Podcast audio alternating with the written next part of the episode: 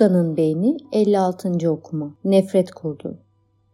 Eşsiz evrimsel geçmişimiz bizi son derece işbirlikçi, empati sahibi ve sevgi dolu kılmıştır. Peki o zaman tarihimiz neden bu kadar çok bencillik, zulüm ve şiddetle doludur? Ekonomik ve kültürel faktörlerin bunda rol oynadığı kesindir. Yine de farklı türdeki toplulukların avcı toplayıcı, tarımsal ve endüstriyel, komünist ve kapitalist, batı ve doğu hepsindeki hikaye temelde aynıdır.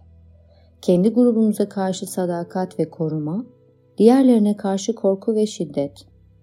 Kendi grubumuza duyduğumuz bağlılığın doğamızın nasıl derinliklerine işlediğini inceledik.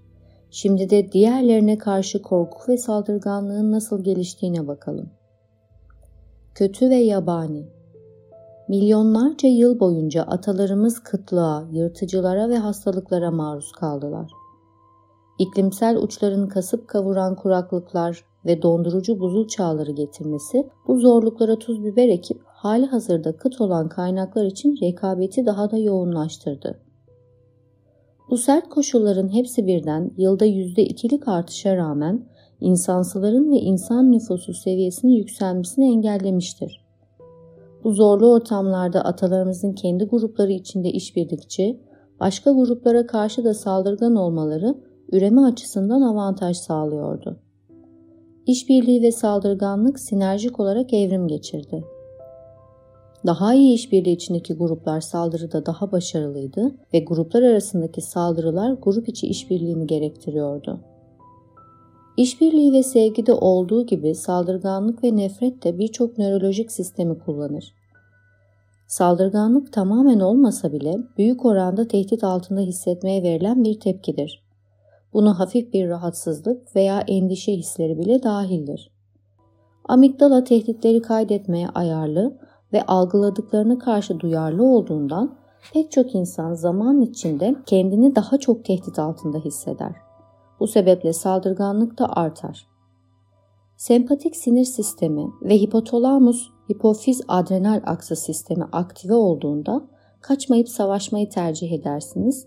Vurmanız için kol kaslarınıza kan hücum eder. Potansiyel saldırgana ya da yırtıcıya gözdağı veren bir görüntü için piloereksiyonda yani tüylerin diken diken olması hipotalamusta son raddede hiddet tepkilerini tetikleyebilir.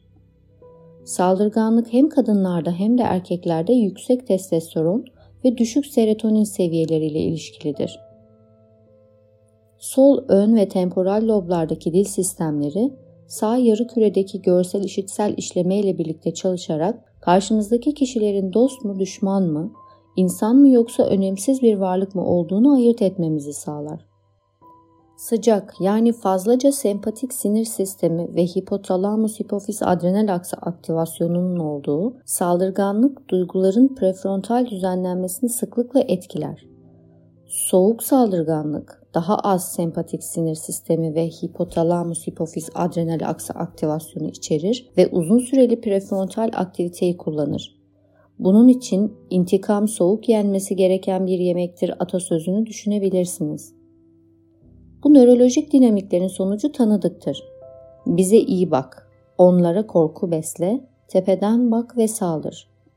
Örneğin araştırmalara göre en modern, atalarımızın evrim geçirdiği sosyal ortamların güçlü göstergelerini sunan avcı toplayıcı gruplar, diğer gruplarla süre giden bir çatışma içindelerdi. Bu çatışmalar modern savaş silahlarının yıkıcı gücü ve korkutucu doğasından yoksun olsa da aslında çok daha tehlikeliydiler. Bu çatışmalarda kabaca 8 erkekten biri ölürken 20. yüzyıl savaşlarında 100 kişiden biri ölmüştür. Beyinlerimiz hala bu becerilere ve eğilimlere sahiptir. Okul bahçesinde oluşan çetelerde, iş yeri entrikalarında ve aile içi şiddette hep bunlar etkilidir. Sağlıklı rekabet, kendine güvenme ve önem verdiğiniz insanları ya da davaları şiddetle savunmak düşmanca saldırganlıktan oldukça farklıdır. Saldırgan eğilimlerimiz daha büyük ölçekte ön yargı, zulüm, etnik temizlik ve savaşı tetikler. Bu eğilimler genellikle güçlü baba, otoriter kontrolün klasik savunmasında onları şeytanlaştırma yoluyla manipüle edilir.